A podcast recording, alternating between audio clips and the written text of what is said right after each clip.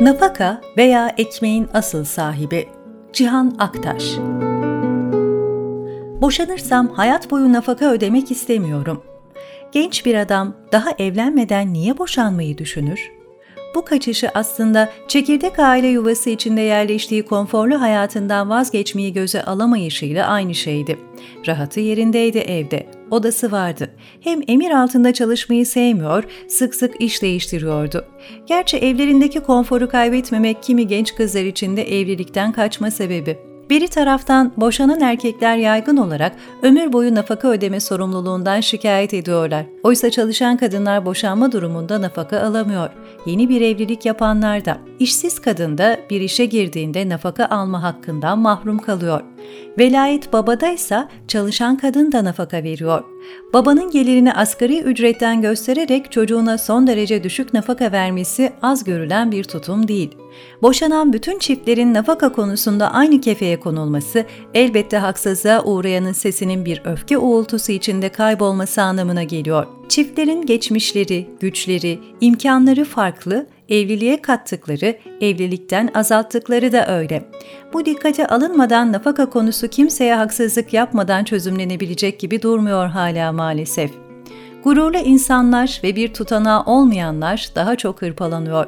Kimi kadınlar için boşanma durumunda ömür boyu nafaka, bir daha evlenmedikleri ya da bir türlü kendilerini idare edecek duruma gelmedikleri takdirde niye gerekiyor? Cevabı hayat sahnesinde sık sık karşımıza çıkan bir soru bu. Dar gelirli dul bir kadın için yeni bir düzen kurmak hiç kolay değildir çoluk çocukla. Bizim kuşağımızın gençlik yıllarında boşanmalar şimdiki kadar yaygın değildi. Nafaka uygulamaları da genellikle kadını mağdur edecek şekilde gerçekleşiyordu. 80'lerin sonları olmalı.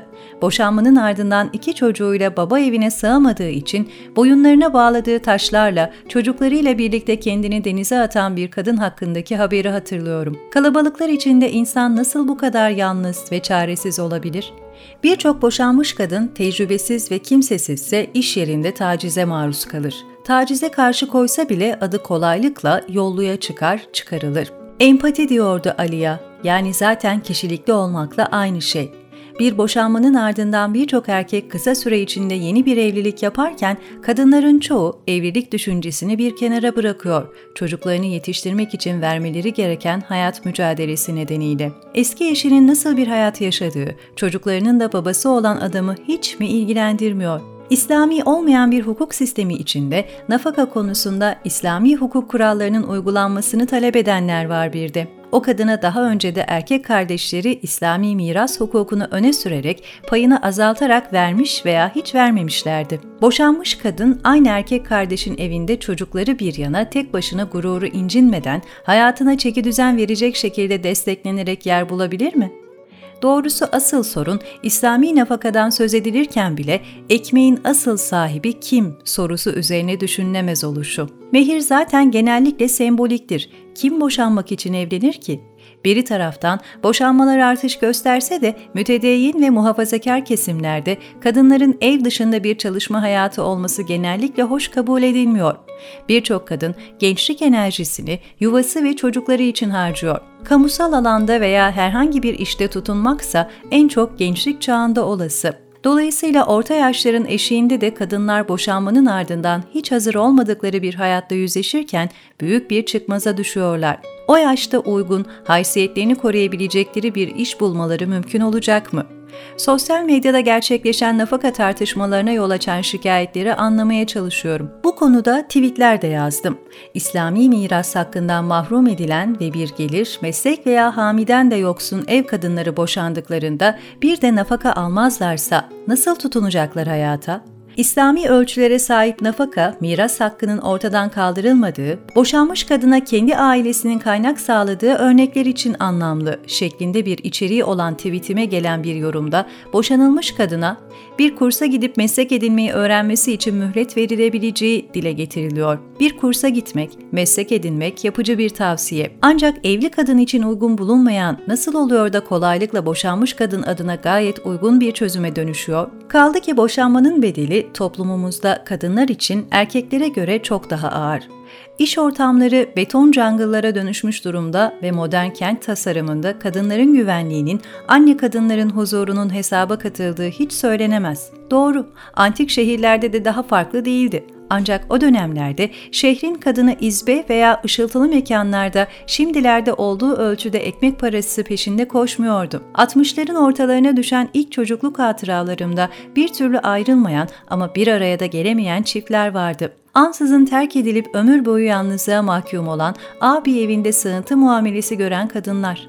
80 veya 90'lı yılların boşanmalarında babalar 3 kuruşluk nafakayı mahkeme kanalıyla bile ödemekten kaçınırken bütün varlıklarını çocuklarına babasızlığı hissettirmemeye adayan ne çok kadın tanıyorum. Boşanmanın iki tarafında mağdur edilmediği, hakiki mağdurunsa desteklendiği bir çerçevede gerçekleşmesi niye mümkün olamıyor?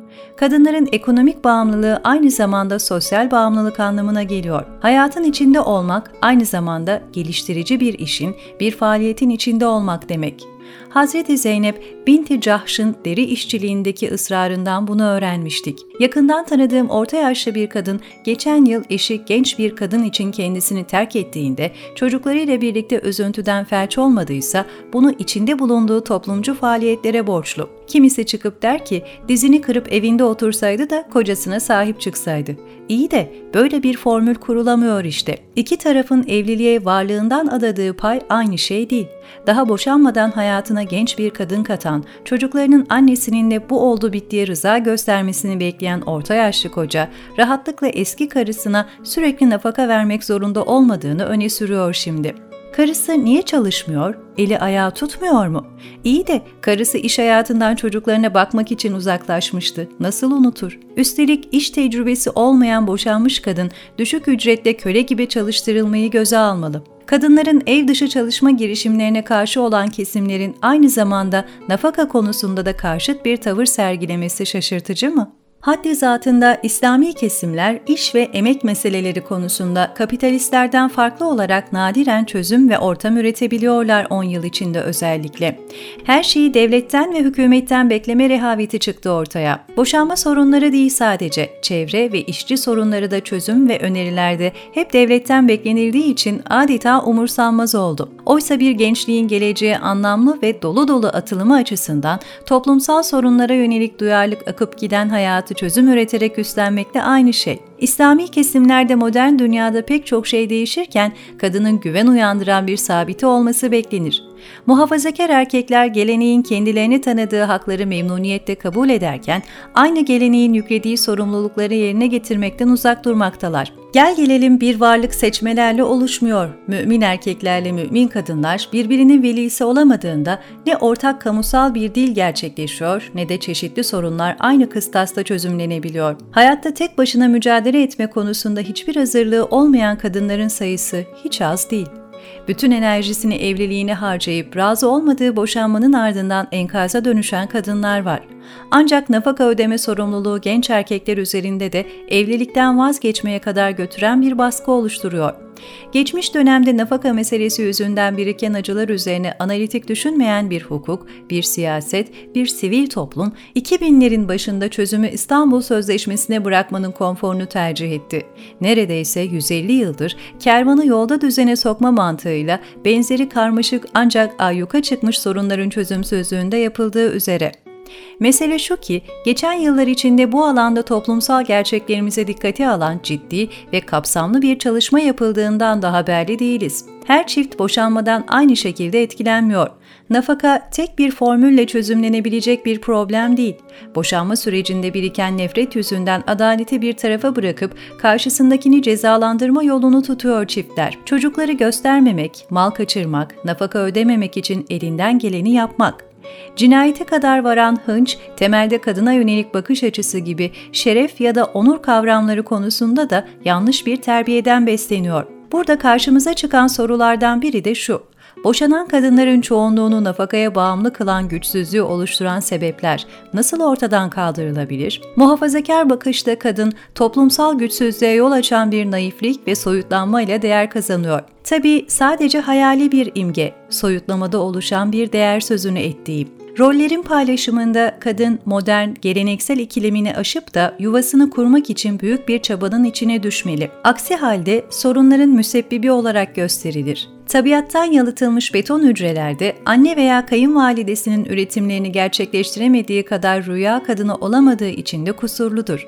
Sözünü ettiğim çatallanmış bakışın değişmeye başladığını biliyorum. Gençlerin karşı cinse bakışı eskisi kadar fark ve eşitlik ölçülerini birbiriyle yatıştırmıyor. Bunu onlara öğreten de bilgiden ziyade ortak kamusal tecrübeler. Ancak bu değişmenin de bir bedeli var. Uzayan eğitim çağından, uzayan en ideal iş beklentisinden, uzayıp giden kendini yetiştirme çabalarından ve kuşkusuz yukarıda değindiğim gibi ailenin sağladığı konfor yüzünden genç kızlarda, genç erkeklerde kolayca evlenmeye karar veremiyor. Evlilik hayatını sürüp giden gelişme çabasını kesintiye uğratacağına dair endişeler, aşka dair umutları bile bastıran bir etki uyandırıyor. Evler eski evler değil, Dolayısıyla evlilik ilişkisinin bağlamları da değişti ve bu aile kurumunun çöküşe geçtiği anlamına gelmiyor.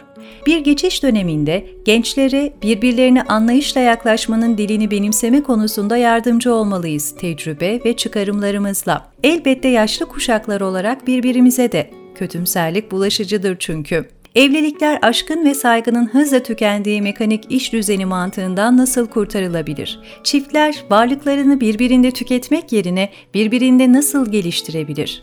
Hayatın derslerini doğru anladığınızda ve içtenlikle konuştuğunuzda komplo teorilerine ihtiyacınız olmayacaktır.